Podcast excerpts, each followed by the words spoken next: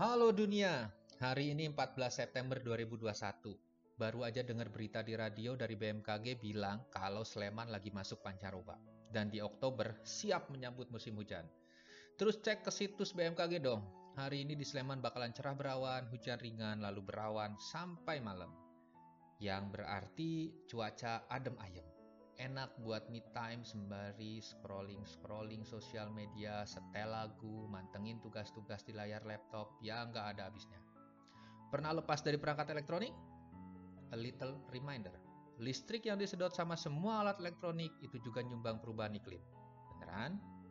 Eh, sebelum mengenal yang namanya budaya karbon, kenalin. Nama saya Troy, 21 tahun, tinggal di Sleman, daerah istimewa Yogyakarta saya mau cerita, tapi cerita pendek, nggak panjang-panjang. Tentang iklim bumi, efek rumah kaca, siklus karbon, es di kutub yang mencair, laut yang memanas, dan lain-lain yang dampaknya bikin Sleman berasa panas banget di suatu waktu dan hujan deras setelahnya. Atau bikin mendung seharian, sementara perakiraan cuaca bilang cerah. Namanya juga perakiraan. Masyarakat modern make bahan bakar fosil buat ngasih daya ke alat transportasi, jalanin industri, manasin ruangan, atau kemudian dinginin ruangan, ngidupin gawai, dan lain-lain. Plastik yang sumbernya dari minyak juga dipakai buat kemasan, sampai jadi alat elektronik. Ketergantungan pada bahan bakar fosil adalah alasan utama kenapa begitu banyak karbon dioksida yang dipompa ke atmosfer, bikin efek rumah kaca semakin kuat dan bikin pemanasan global makin signifikan.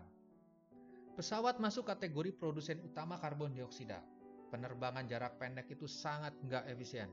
Karena dibandingin jarak perjalanan yang ditempuh, pembakaran mesin dengan kekuatan penuh itu dipakai lebih banyak buat mencapai ketinggian pesawat.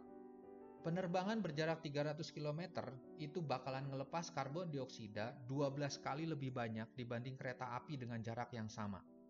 Jadi kalau disuruh milih antara kereta api sama pesawat buat perjalanan Jogja-Surabaya, mendingan kereta api. Itu kalau di udara, gimana di darat? Hampir semua mobil make bahan bakar hidrokarbon, bensin, dan solar yang terbuat dari minyak. Semakin gede dan kuat mobil, berarti bakalan make bahan bakar dengan jumlah yang lebih gede juga. Penggunaan mobil di seluruh dunia gak pernah turun jumlahnya. Pembangkit listrik mayoritas masih bakar batu bara buat ngasilin listrik. Batu bara dibakar buat manasin boiler, alias rebusan yang ngubah air jadi uap. Terus tekanan dari uap bikin turbin berputar dan gerakin generator listrik. Uap terus didinginin supaya balik jadi air dan dipakai di boiler. Listrik yang disediain buat satu rumah itu merluin 20 kg batu bara setiap hari.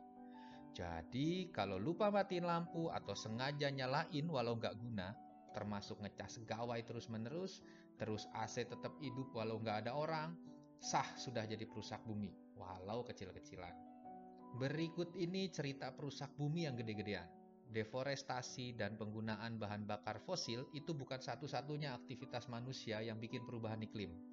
Masih ada aktivitas lain dari kehidupan manusia modern yang nambah perkara pemanasan global. Semen.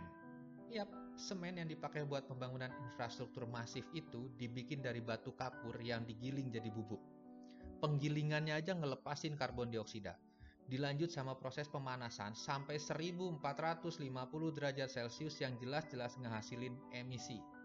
Habis jadi semen, semen didistribusi ke lokasi lain. Enteng? Enggak dong. Semen itu berat. Jadi ngangkutnya akan pakai kendaraan gede dan pakai bahan bakar yang enggak sedikit.